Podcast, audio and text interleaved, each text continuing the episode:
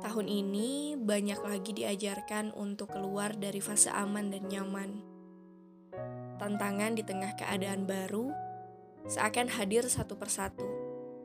Tahun ini memang lebih banyak bumbunya ya.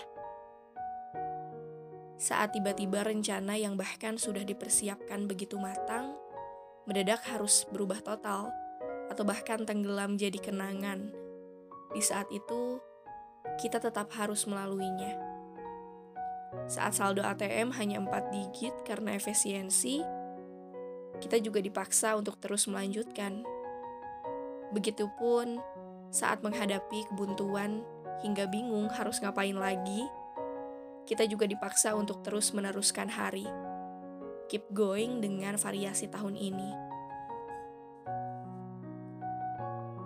Tapi, di balik setiap yang dihadirkan tahun ini, di balik semua keterpaksaan, keterbatasan, dan situasi baru yang ditinggalkan, bukankah lebih banyak juga waktu yang hadir untuk lebih mengenali diri, menggali potensi yang belum disadari, hingga lebih lama menghangatkan hati bersama orang-orang terkasih?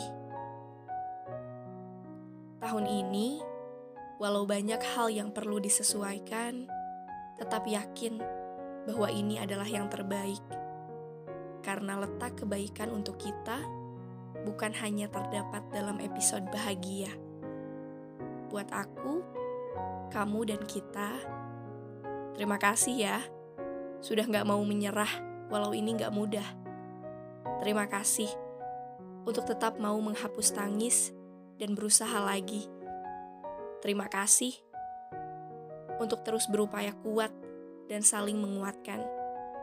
Semoga rapot tahun ini buat kita jadi hamba yang lebih baik lagi. Keep going.